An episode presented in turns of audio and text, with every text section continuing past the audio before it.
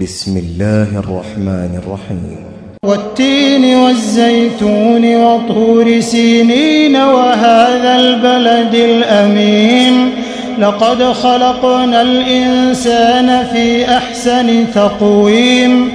ثم رددناه أسفل سافلين إلا الذين آمنوا إلا الذين آمنوا وعملوا الصالحات فلهم أجر غير ممنون فما يكذبك بعد بالدين أليس الله بأحكم الحاكمين